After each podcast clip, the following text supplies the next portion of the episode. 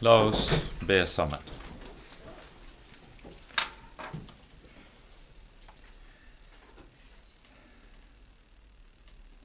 Kjære du trofaste Herre, du hellige Gud, så takker vi deg for all din nåde mot oss.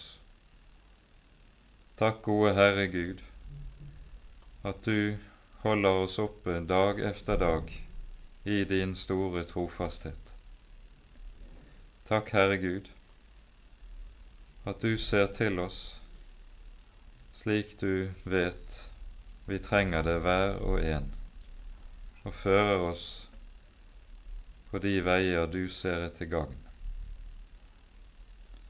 Takk, Hellige Gud, at du har gitt oss din elskede Sønn. Herre, vil du la oss få nåde til å se og verdsette hva det er du har gitt, hvor meget du ofret da du ga din enbårne for vår skyld. Kom, Herre, med din Hellige Ånd, og vær hos oss. Herre, du som lar din kraft fullendes i skrøpelighet. Amen.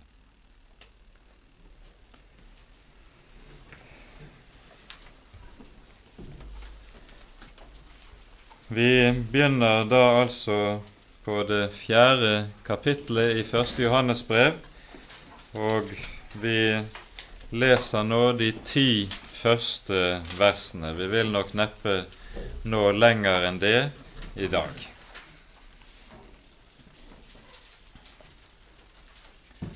Dere elskede, tro ikke enhver ånd, men prøv åndene om de er av Gud for mange falske profeter er gått ut i verden.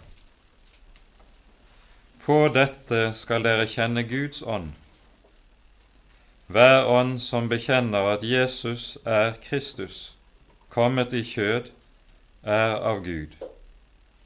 Og hver ånd som ikke bekjenner Jesus, er ikke av Gud. Dette er antikristens ånd, som dere har hørt kommer, og den er allerede nå i verden. Dere er av Gud mine barn, og har seiret over dem. For Han som er i dere, er større enn Han som er i verden. De er av verden, derfor taler de av verden, og verden hører dem. Vi er av Gud. Den som kjenner Gud, hører oss. Den som ikke er av Gud, hører oss ikke. På dette kjenner vi sannhetens ånd og villfarelsens ånd. Dere elskede, la oss elske hverandre, for kjærligheten er av Gud. Og hver den som elsker, er født av Gud og kjenner Gud. Den som ikke elsker, kjenner ikke Gud, for Gud er kjærlighet. Ved dette er Guds kjærlighet åpenbart iblant oss, at Gud har sendt sin Sønn, den enbårne til verden, for at vi skal leve ved ham. I dette er kjærligheten, ikke at vi har elsket Gud, men at Han har elsket oss og sendt sin Sønn til soning for våre synder. Slik lyder Herrens ord.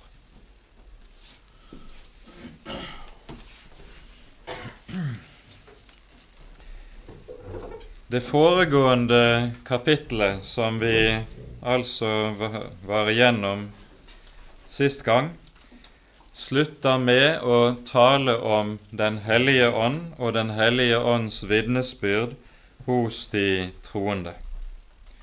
Den som holder Hans bud, blir i ham og han i ham. Og på dette kjenner vi at Han blir i oss av den ånd Han gav oss, hører vi her. Det Johannes gjør i dette verset, det er at han griper tilbake til det som Jesus underviser om i Johannesevangeliets 14. kapittel, når han taler om Ånden og Åndens komme. Og Der understreker Jesus gjentatte ganger dette at den som holder mine bud, han er den som elsker meg. Og så sier han også det motsatte. Den som ikke holder mine bud, elsker meg ikke. Så det er et klart enten-eller som altså handler om forholdet til Jesu ord. Og Så minner vi også i denne sammenheng om hva ordet bud betyr i denne sammenheng i Johannesevangeliet. Det er et samleord som betegner hele frelsesåpenbaringen. Vi har lett for, altså når vi tenker, for å tenke slik når vi hører ordet bud, at det sikter til lover, bud, påbud, forbud osv. Og, og da går jo tanken vår umiddelbart videre når vi hører om å holde bud, at vi tenker at da dreier det seg om å holde loven. Men det er altså ikke det Jesus taler om når han uttrykker seg slik. Ordet bud er altså en benevnelse på hele frelsesåpenbaringen. Og Dette ser vi uttrykk for også i det foregående kapittel, i det 23. verset, der det står sånn Dette er Hans bud, at vi skal tro på Hans Sønn, Jesus Kristus, og elske hverandre. Altså, det sikter på troen på frelsesåpenbaringen som er gitt oss i Jesu person, og det å, at dette skal få uttrykk i den frukt i livet som betyr at vi elsker hverandre. Hele frelsesåpenbaringen samles jo nemlig i disse to ting, i loven og i evangeliet. Og Når det derfor står å holde Herrens bud i denne sammenheng, så sikter det på det å ta vare på dette som det mest verdifulle som en eier. Og så er det altså slik at Jesus knytter budskapet om Den hellige ånd sammen med dette. Og Årsaken ligger i at Ånden i Bibelen er uløselig knyttet sammen med Ordet. Det er slik at Den hellige ånd kommer til oss i og med og gjennom Guds ord når det lyder. Det er saken. Og det er dette som ligger bak at vi både i Johannes 14 og Johannes 16, og altså her i 1. Johannes brev, ser hvorledes disse to ting knyttes sammen. Forholdet til Herrens ord og bud og forholdet til Herrens ånd. Det er to sider av samme sak. Når apostelen så har sagt det, så går han videre til å konkretisere hva slags ånd Den hellige ånd er.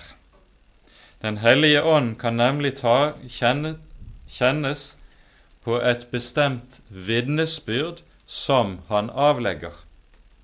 Og det er det vi hører nå i kapittel 4.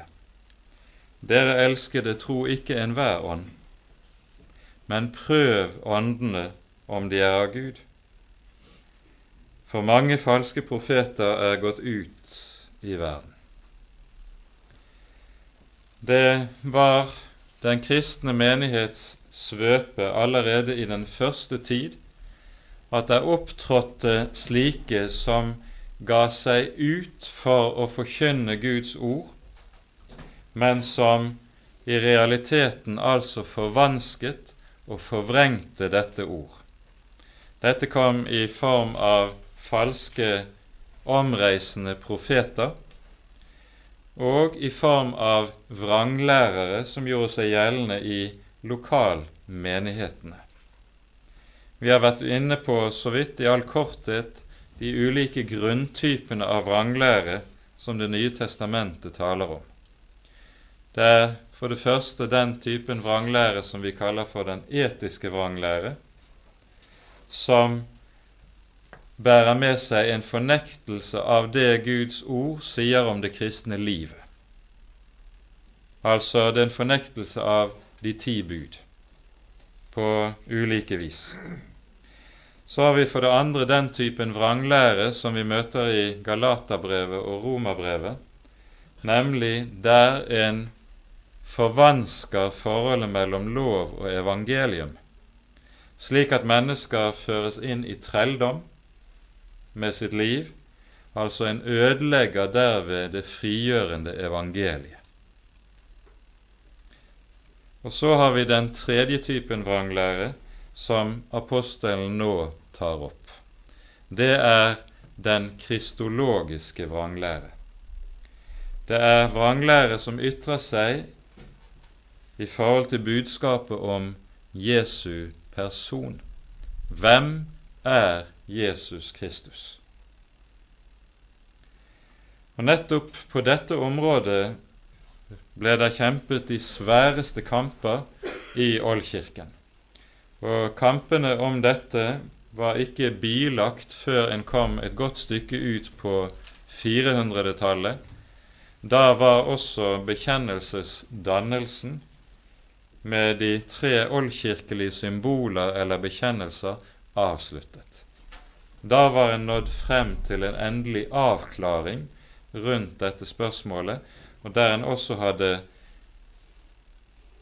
laget meget klare grenser i forhold til den vranglære som på ulike vis altså fornektet sannheten om hvem Jesus var. Man har lett for å forestille seg at den første kristne tid var en idyll. Men slik var det ikke. Den første kristne tid var en kampens tid og en åndskampens tid og meget hurtig gjorde vranglæren seg gjeldende i den første kristne menighet. Det har vi tallrike vitnesbyrd om i, fra Det nye testamentet, og enda mer fra de apostoliske fedre i de påfølgende århundrene. Nei, den kristne menighet har alltid stått i kamp. Åndskamp der det på ulik vis har vært kjempet rundt sannheten i Guds ord mot fornektelser av det ene eller det annet slag. Den fornektelse det handlet om her, når det var fornektelse av sannheten rundt Jesu person, det var en type fornektelse som skrev seg fra påvirkningen fra gresk filosofi fra gresk tenkning. Og Dette er noe vi godt kan være oppmerksomme på. Vanlige kristne vil kanskje ikke så ofte komme i berøring med det, men det vil gjerne være noe som ligger under veldig mye av den typen strid som vil dukke opp i Kirkens liv. Det henger sammen med forsøkene på å blande hedensk filosofi med kristen teologi. Den typen blandingsforsøk det ender som regel ut i ulike typer vranglære eller fornektelse av Guds ord. Men ofte det, kan det være ganske vanskelig å få øye på hva det dreier seg om. Og slik var det nok også i den første kristne tid. Det var ikke alltid så lett å se hva det handlet om. Og så er det altså at de troende formanes. Dere elskede, tro ikke enhver ånd. Dette er en formaning som går til alle kristne. Kristne mennesker skal vite at de skal ikke lytte til all slags forkynnelse uten forskjell men man skal høre med et prøvende øre. Åndelig alteteri, det er usunt. Og det er fordi om noen har prestekappe på seg, eller bispekåpe, eller professortittel, eller forkynnertittel, eller hva det nå må være, så er det ikke dermed gitt at den det gjelder, bærer frem Guds ord. Vi skal i dette ikke se på personen, men vi skal lytte til hva sies. Hva lyder det? Altså vi skal være klart orientert i retning av innholdet budskapet, saken, det skal prøves. Prøv åndene om de er av Gud. Vi hører en rekke steder i brevene altså om dette, og vi kan her minne om det Paulus sier i 2. Korinterbrevs 11. kapittel.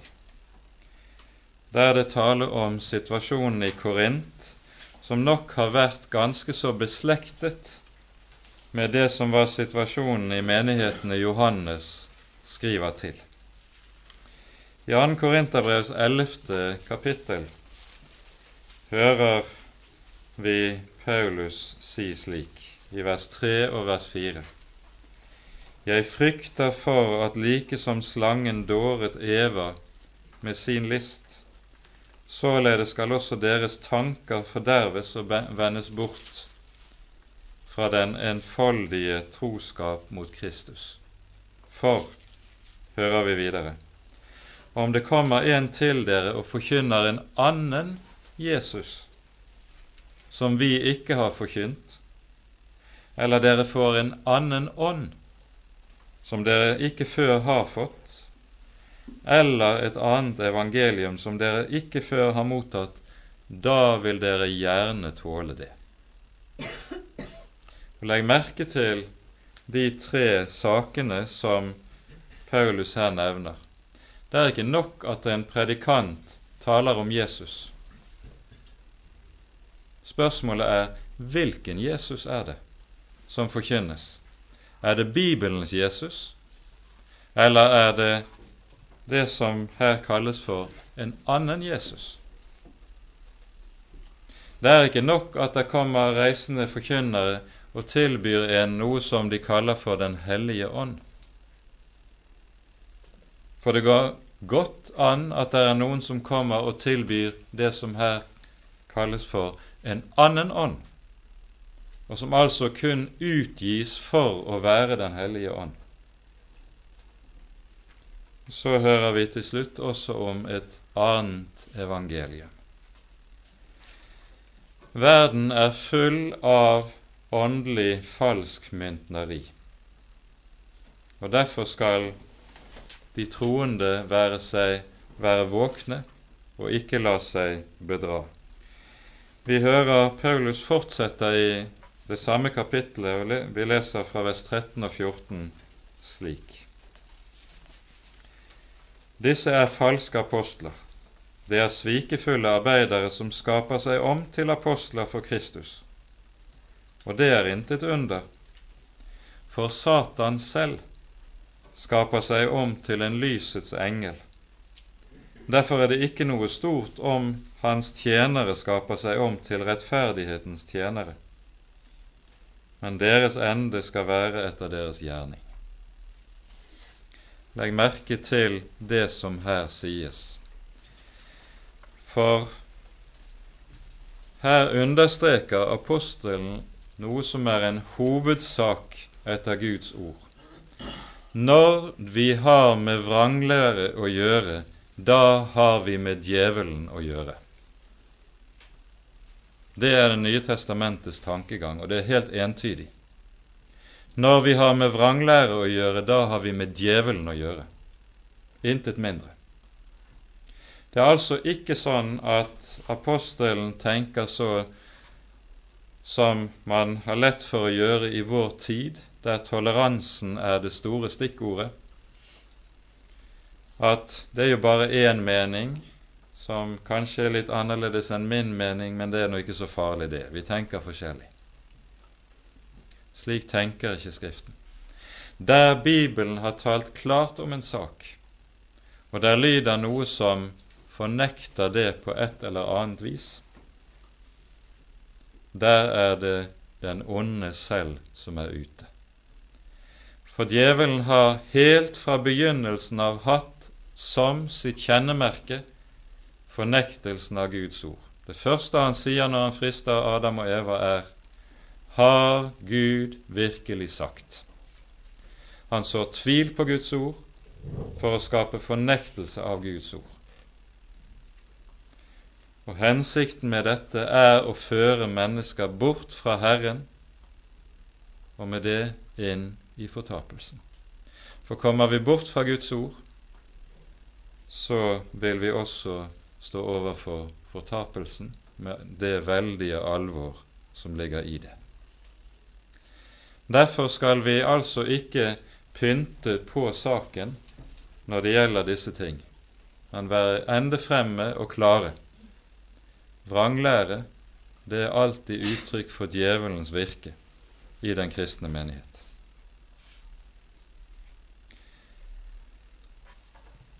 Så formanes altså de troende av den grunn til å prøve åndene. Prøv åndene om de er av Gud. Når vi blir formant til det å prøve, så lærer jo Bibelen oss at vi skal ha at vi har meget klare kriterier å prøve all forkynnelse på. Det skal prøves på om det er i overensstemmelse med Guds ord i Den hellige Skrift. Det er prøvestein. Her er det menigheten i Berua, som vi hører om i apostelgjerningene 17, er det store forbildet for oss som Guds barn. Paulus kommer og forkynner evangeliet her, og så står det om folket der at de gransket daglig i Skriftene om det forholdt seg slik som det ble talt for dem. De hadde noe de prøvet forkynnelsen på. Forkynnelsen skal altså ikke prøves på tilfeldige følelser om en opplever predikanten som et godt menneske, som en sjarmerende person, at han kommer med inntagende eller imponerende budskap, eller om man kan dokumentere at så og så mange mennesker er med i den bevegelsen som han representerer. Antallet etterfølgere er intet kriterium for om noe er sant. Og Dette tror jeg ikke minst i våre dager er helt nødvendig å understreke, hvor det tales så høylytt om kirkevekst, og der det er slik at mennesker som kan vise at de har menigheter bestående av tusenvis av mennesker, det skal likesom dokumentere at da er det av Gud. Antall dokumenterer ingenting. Det som er kriteriet etter Guds ord, det er Bibelen selv, intet annet. Prøv åndene om de er av Gud. Dette innebærer at vår bibel også taler om det som kalles for åndelig dømmekraft. I, den, i Oldkirken var det slik at det som hadde med dømmekraft å gjøre, det ble regnet som den fremste som den viktigste av de kristne dyder. Ordet for dette var i Oldkirken diskretio. Og Det ble regnet som den høyeste nådegave og som den viktigste kristne dyd, evnen til å kunne skjelne mellom sant og falskt, rett og galt, sunt og usunt, hellig og vanhellig. Og dette er en evne som ikke uten videre kommer dettende ned i hodet på et menneske, på en troende, men som vokser og modnes gjennom langvarig omgang med Guds ord i Den hellige Skrift. Vi skal lese fra Filippabrevets første kapittel. Her ser vi hvordan Paulus taler om denne sak. Filippabrevet kapittel 1.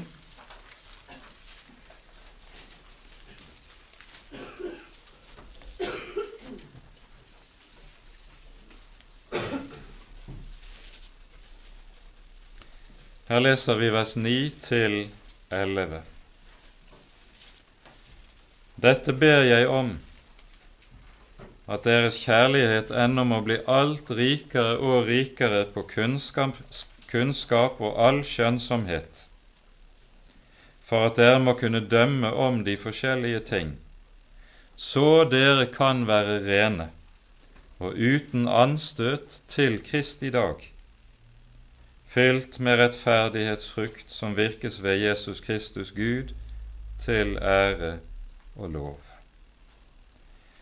Altså Når apostelen ber for menighetene, så ber han om at de nettopp skal få en åndelig vekst som gir dem tilstrekkelig dømmekraft for det å ha en åndelig dømmekraft, det vil hjelpe dem til å forholde seg til de ulike ting som de blir stilt overfor i livet som kristne, og som eventuelt kan være en fare for dem som kristne. Vi hører om den samme åndelige modenhet som mål i det fjerde kapittelet i Efeserbrevet. Her tales det i kapittel 4 fra vers 11 og vers 12 av, om hvordan Herren har innsatt tjenesten med, forkynnelsen av, opplæringen med Guds ord i menighetene. Og dette har han gjort med et bestemt formål for øyet, som vi leser om da fra vers 13 av, nemlig inntil vi alle når frem til enhet i tro på Guds sønn, til kjennskap til ham, til manns modenhet, til aldersmålet for Kristi fylde, for at vi ikke lenger skal være umyndige og la oss kaste og drive om av ethvert lærdomsvær, ved menneskenes spill, ved kløkt i villfarelsens kunster, men at vi sannheten tro i kjærlighet i alle måter skal vokse opp til Ham som er hodet åndelig modenhet som hindrer at en lar seg forføre og drive hit og dit av tidens mange forskjellige vinder. Dette er det som er noe av målet for den åndelige vekst. I våre dager er dette desto mer viktig å understreke nødvendigheten av fordi hele tidsånden som vi lever i Vår periode kalles jo sånn kulturhistorisk for postmodernismen. Og det som kjennetegner denne, mellom mye annet, det er at bl.a. er sannheten blitt totalt relativisert. Det er ikke tillatt innenfor den postmoderne rammeverket å hevde at sannhet er noe som er absolutt. I beste fall er sannhet blitt et flertallsord. Det fins kun ulike sannheter. Du har min, din sannhet, jeg har min, men hvem vet? Pilatus' ord til Jesus er på en måte blitt noe av overskriften over den periode vi lever i rent historisk. Pilatus spør Jesus hva er sannhet? Trekker på skuldrene, og vi forstår at det som ligger i Pilatus' spørsmål, er det finnes egentlig ikke noen sannhet som er mulig å gripe. Så trekker man på skuldrene og blir dermed likegyldige. Og det er denne prinsipielle likegyldighet, relativisering i forhold til sannheten, som også ligger bak det toleransekrav som er blitt så å si noe av grunnloven i den moderne vestlige kultur. For man krever toleranse for alt fordi alt dypest sett er like gyldig. Denne ånd skal ikke prege Guds folk. Men også på dette området skal Guds folk være et folk som går mot strømmen. Guds folk er et folk som har fått sannheten. Sannheten gitt dem av Herren selv, fordi Han selv har åpenbart seg for oss. Og Derfor kalles også den kristne menighet i Bibelen for sannhetens støtte og grunnvoll, som står midt i tidens hav, som bølger hit og dit, tidens vinder farer snart fra øst og snart fra vest. De vil aldri bli stille, men den kristne menighet har noe som den står på og står ved. Den er sannhetens støtte og grunnvoll, for den har fått Guds ord. Og det kan den kristne menighet ikke vike fra. Dette er det som uh, hører med når vi taler om det som vi nå er inne på. Og apostelen sier, dere elskede, tro ikke enhver ånd, men prøv åndene om de er av Gud. For mange falske profeter er gått ut i verden. Når det siste sies, så tenkes det ikke minst på Jesu undervisning om de siste ting. Leser du Matteus 24, Jesus store endetidstale, så vil du se at gjentatte ganger i denne talen så kommer Jesus tilbake til det som er den store hovedfare for Guds folk, nemlig de falske profeter. Se til at dere ikke lar dere føre vill, er det første han begynner sin tale med. For mange falske profeter skal komme. Og så gjentas det mange falske profeter, hører vi om i vers 11 og 12. Og så hører vi om falske Messiaser og profeter lenger ute i samme kapittelet, som endog gjør store tegn og under. Dette skal altså være noe av det som kjennetegner historiens avslutning. Og så lyder det til oss altså prøv åndene. Det er noe av det som hører med til det å våke, som Jesus legger så sterkt vind på når han taler om de siste ting. Den som våker, han prøver åndene. Den som sover, han tar altfor god fisk. Og så, når vi kommer til vers 2, så lyder det så:" På dette skal dere kjenne Guds ånd. Hver ånd som bekjenner at Jesus er Kristus kommet i kjød, er av Gud. Og Legg nå merke til hva som her sies. På dette skal dere kjenne Guds ånd, sies det. Hver ånd som bekjenner. Åndene skal ikke prøves på, altså på åndsvirkningene. Om det er noen som kan dokumentere at det skjer helbredelser eller tegn og under, det er ingen garanti for at det er av Gud. Det kan like godt være fra den onde. Spørsmålet er hva bekjennes der? Hva lyder der i forkynnelsen? Hver ånd som bekjenner, sies det. Ordet 'bekjenne' betyr, det har vi vært inne på flere ganger, å si det samme som.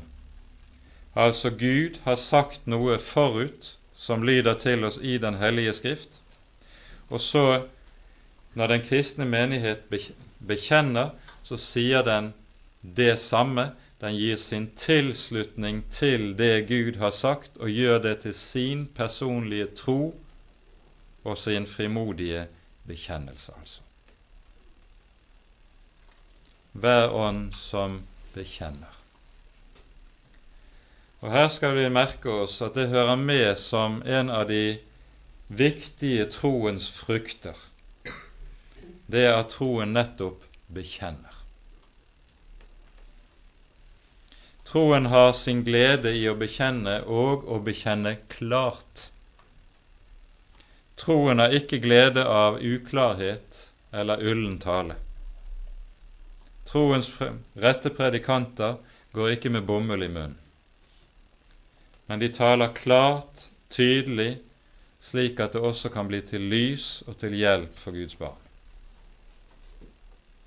Uklar forkynnelse der du liksom ikke riktig kan gripe hva det er du står overfor, det er i seg selv et faresignal. For Den hellige ånd har det med seg at han alltid taler klart. Det skal vi merke oss. Og hva er det for bekjennelse det her er tale om?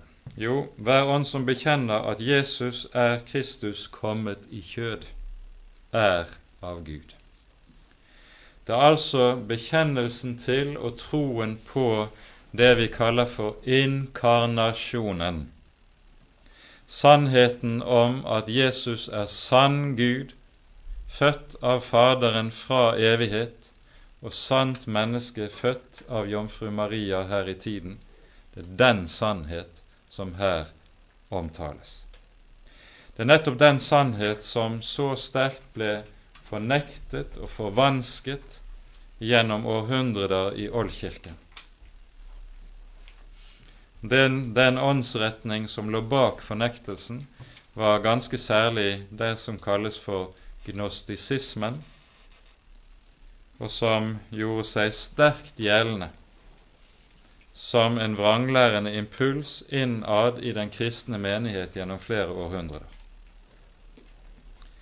Denne slags vranglære, den har i ny tid på ny dukket opp igjen.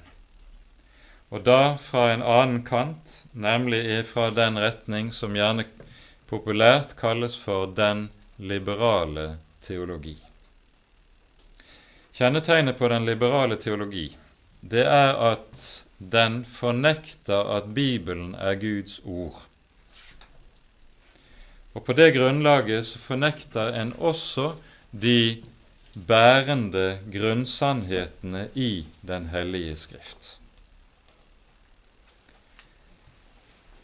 Det var en svær kamp om dette innenfor Den norske kirke for en hundrede år tilbake, som førte til opprettelsen av Menighetsfakultetet og ledet frem imot det berømte Kalmeiergatemøtet i Oslo i 19, vinteren 1920. Her var det slik at det var dukket opp teologer, prestelærere, forkynnere, ja, sågar biskoper, som fornektet at Jesus var sann Gud født av jomfru Maria, fornektet Jesu legemlige oppstandelse fra de døde. Og med det så faller jo hele troen. Og så markerte kristenfolket seg da med å sette en klar grense for dette under det store møtet i Kalmeiergaten i 1920. Det fikk en veldig betydning for Den norske kirke og det norske lekfolk i årtier fremover. Nå er det slik at denne slags fornektelse på ny reiser hodet. I 60- og 70-årene så lød den fra enslige røster fra Universitetets teologiske fakultet i Oslo, Jakob Jervel, Inge Lønning som noen av de fremste skikkelsene på denne fløyen. I dag gjør det seg stadig sterkere gjeldende, men nå mer skjult, ikke klart uttalt. I høst var det et stort seminar i Oslo i regi av Teologisk fakultet, der man hadde besøk av en pensjonert biskop fra den presbyterianske kirke i USA, biskop Spong. Han har skrevet tolv teser som er teser for den, vår tids kristenhet, for vår tids kirke. Og Disse tesene har vunnet meget bred tilslutning både i USA og i europeisk kristenliv og kirkeliv. Det begynner med første tese at troen på en personlig Gud fornektes. Gud, Dersom man tror at Gud er en person, da sitter man fast i et primitivt gudsbilde som vi må forkaste.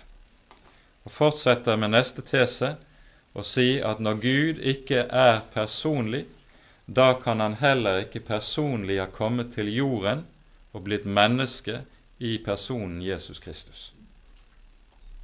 Og så fortsetter det. Dette tas altså imot, tros, forkynnes, og vi møter det i vår, vil komme til å møte det stadig sterkere i våre folkekirker i hele den vestlige verden. Her er det sånn at den blanke fornektelsen av Bibelens grunnsannheter, det er det som apostelen Johannes her meget klart betegner. Dette er antikristens ånd. Dette er antikristens ånd. Legg merke til at det som skjer når Peter avlegger sin store bekjennelse, sånn som vi hører det i Matteus 16, 16. På egne og de øvrige disiplenes vegne så bekjenner Peter og sier til Jesus, Du er Messias, den levende Guds sønn. Hvorpå Jesus svarer, Salig er du, Simon Peter, Jonas' sønn. Kjøtt og blod har ikke åpenbart deg dette, men min Far i himmelen. Og jeg sier deg, du er Peter, og på denne klippe vil jeg bygge min menighet. Og Her anvender Jesus et ordspill. For navnet Peter det er det greske ordet Petros, som betyr klippe. Men Jesus sier altså ikke, sånn som den katolske kirke utlegger dette, at han vil bygge sin kirke på Peters person.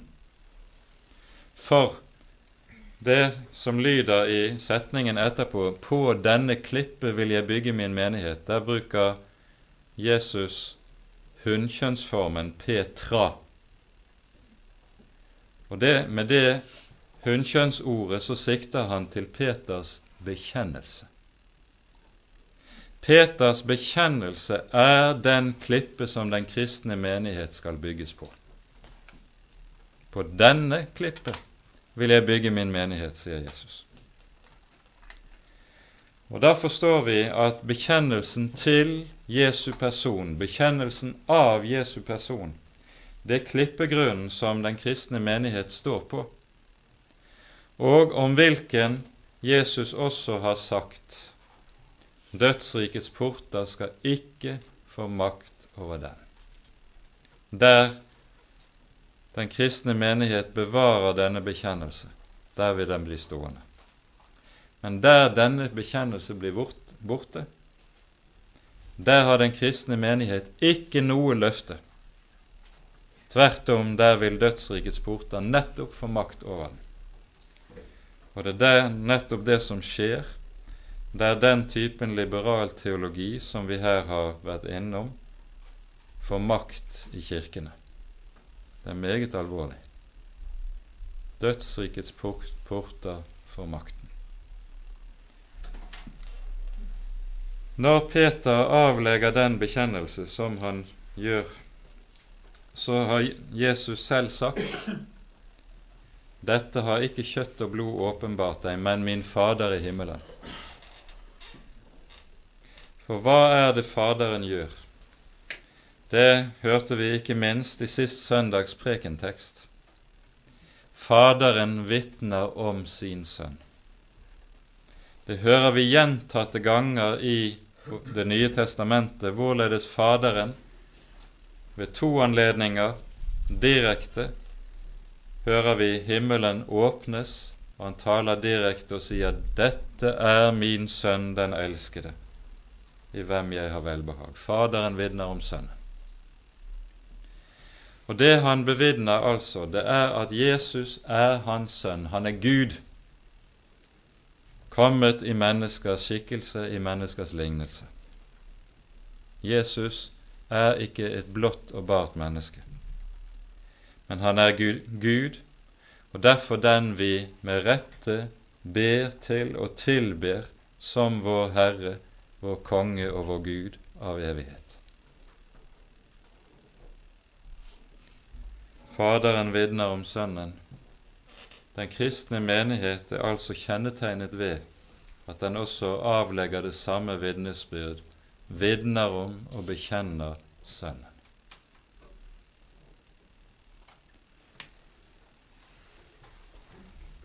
Vi hører i fortsettelsen at det lyder videre Hver ånd som ikke bekjenner Jesus, er ikke av Gud. Den klare bekjennelse har forstummet. Det kan godt hende at det bare er noen som tier og ikke vil stemme i bekjennelsen. Den kristne tro er en bekjennende tro. Den kristne menighet er en bekjennende menighet. Det er noe av dens grunnleggende kjennetegn. Det skal vi merke oss. Nå fortsetter Johannes med å si dette er antikristens ånd, som dere har hørt kommer. Og den er allerede nå i verden. Her viser apostelen til forkynnelse som altså har lydd tidligere, og som de er fortrolig med. Og det de har hørt tidligere, det er antagelig noe av det Paulus taler om i 2. Tessalonikerbrevs 2. kapittel, der det nettopp er tale om personen Antikrist og hans fremtreden. Og hva er det som kjennetegner talen om Antikrist i denne sammenheng. Det sies om ham han setter seg i Guds tempel og gir seg selv ut for å være Gud.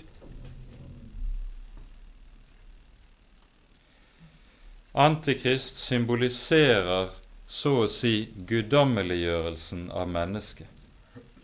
Og i dette så ligger det som er selve grunnsynden kjernen i fallet, syndefallet. For når djevelen frister Adam og Eva, gjør han det med ordene dere skal bli like som Gud. Det er fristelsen til at mennesket vil guddommeliggjøre seg selv, som ligger i bunn. Denne synd er den egentlige grunnsynd og denne grunnsyn er det som når sitt høydepunkt og sitt ytterpunkt i Antikrists fremtreden. Han setter seg i Guds tempel og gir seg ut for å være Gud. Men når mennesket guddommeliggjør seg selv, så avsetter det Gud. Og ikke minst, da fornekter det Han som er Gud kommet i kjød. Det ligger i sakens natur at der mennesket vil være høyt, der fornedres Kristus. Der fornedres Jesus. Disse ting hører sammen. Og slik kommer fiendskapet mot Jesu person til uttrykk nettopp i denne dobbeltheten. Menneskelig selvopphøyelse fører til fornedrelse av Kristus.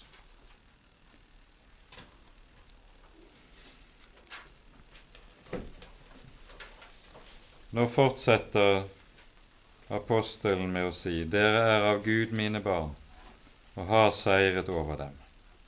For Han som er i dere, er større enn han som er i verden.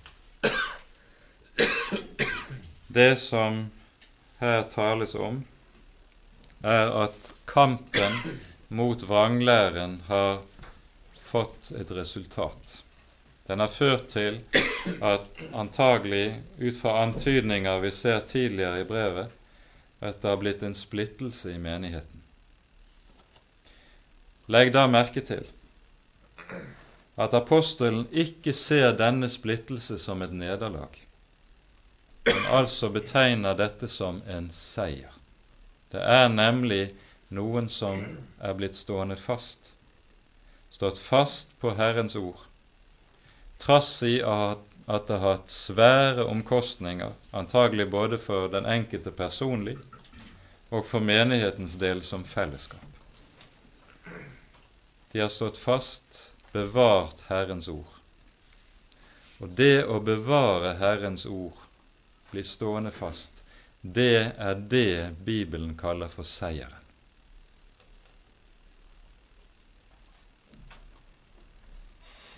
Så fortsettes det med å legges til noen andre kjennetegn ved vranglærerne, som vi hører i vers 5.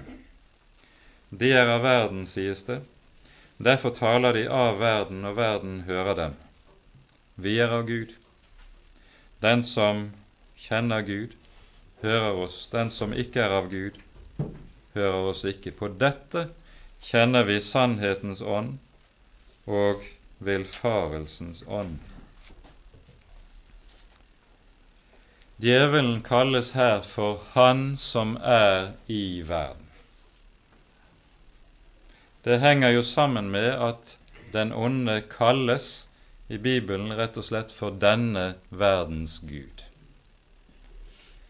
I Efeserbrevets annet kapittel hører vi om hvorledes de mennesker som lever i verden og ikke har lært Jesus å kjenne, de følger denne verdens ånd og gjør hans vilje. Og når djevelen kalles denne verdens gud, så innebærer det også at det er han som er den som styrer over det vi kaller for tidsånden. Og dette skal vi merke oss, for det er ganske betydningsfullt i Bibelen. Når det derfor lyder videre 'de er av verden', derfor taler de av verden, og verden hører dem. Og Det betyr helt konkret denne slags forkynnere som altså fornekter Bibelens vitnesbyrd om Jesus. De er sånne som blir hørt blant mennesker som ikke har troen, og som står fremmede for Herren. De kan bli populære. De kan bli lyttet til. De er sånne som eh, kanskje blir når vidt utover. Ja, sånn vil det være for den forkynnelse og det vitnesbyrd som er av Gud. Det vil alltid bryte med tidsånden, med denne verdens ånd, og derfor aldri vil kunne bli populær her i verden. Og dette er umåtelig viktig å være klar over. Paulus er inne på dette i første Korinterbrev. Jeg tror vi tar oss tid til å lese noen vers derfra. Første Korinterbrev, kapittel 1.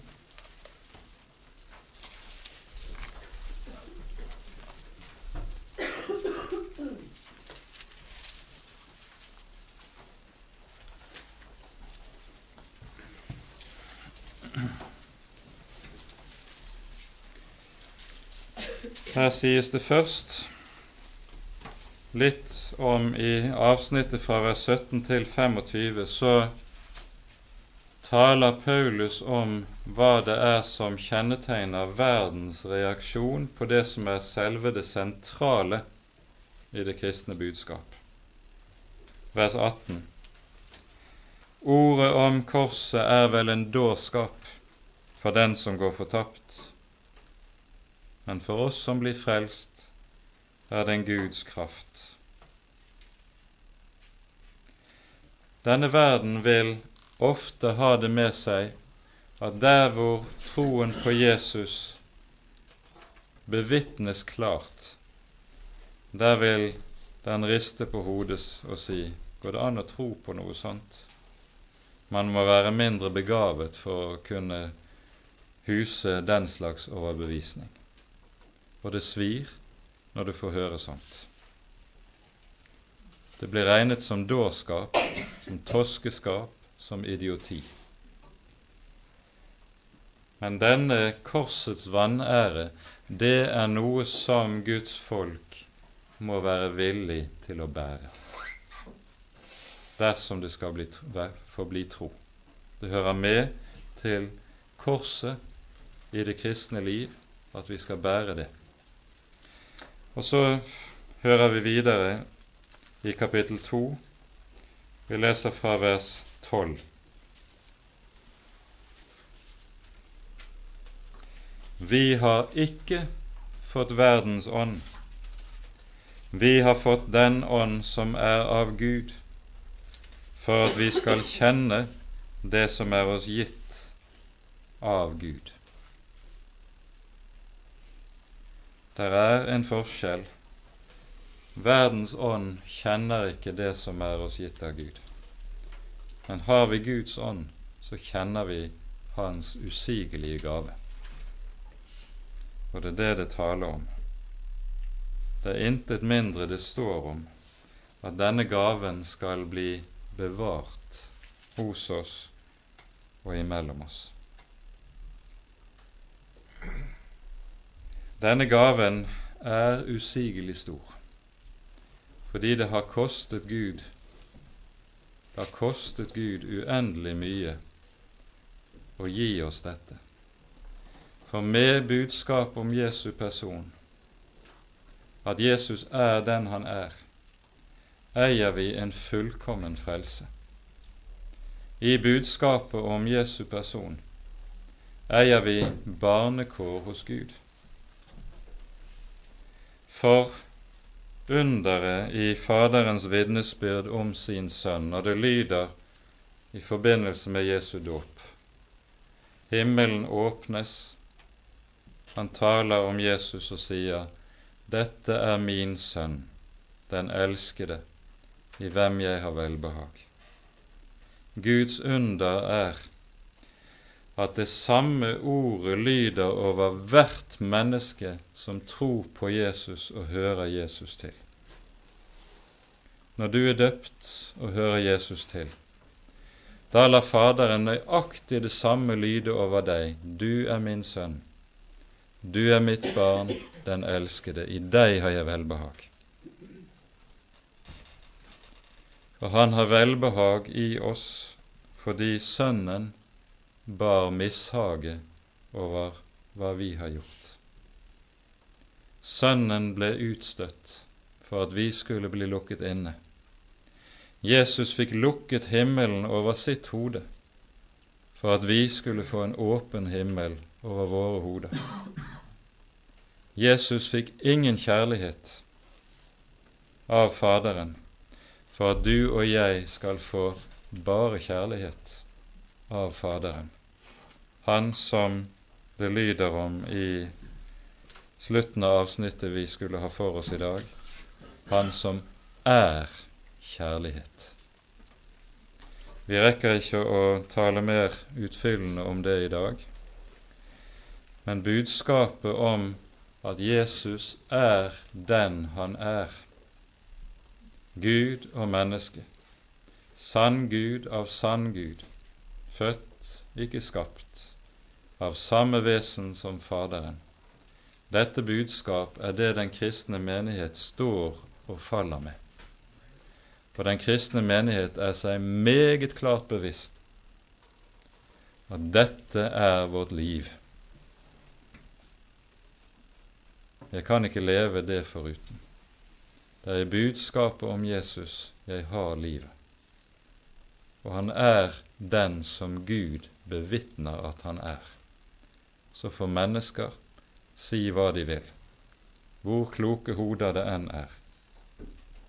Gud er klokere, og han har vitnet om sin sønn. Og med det setter vi punktum.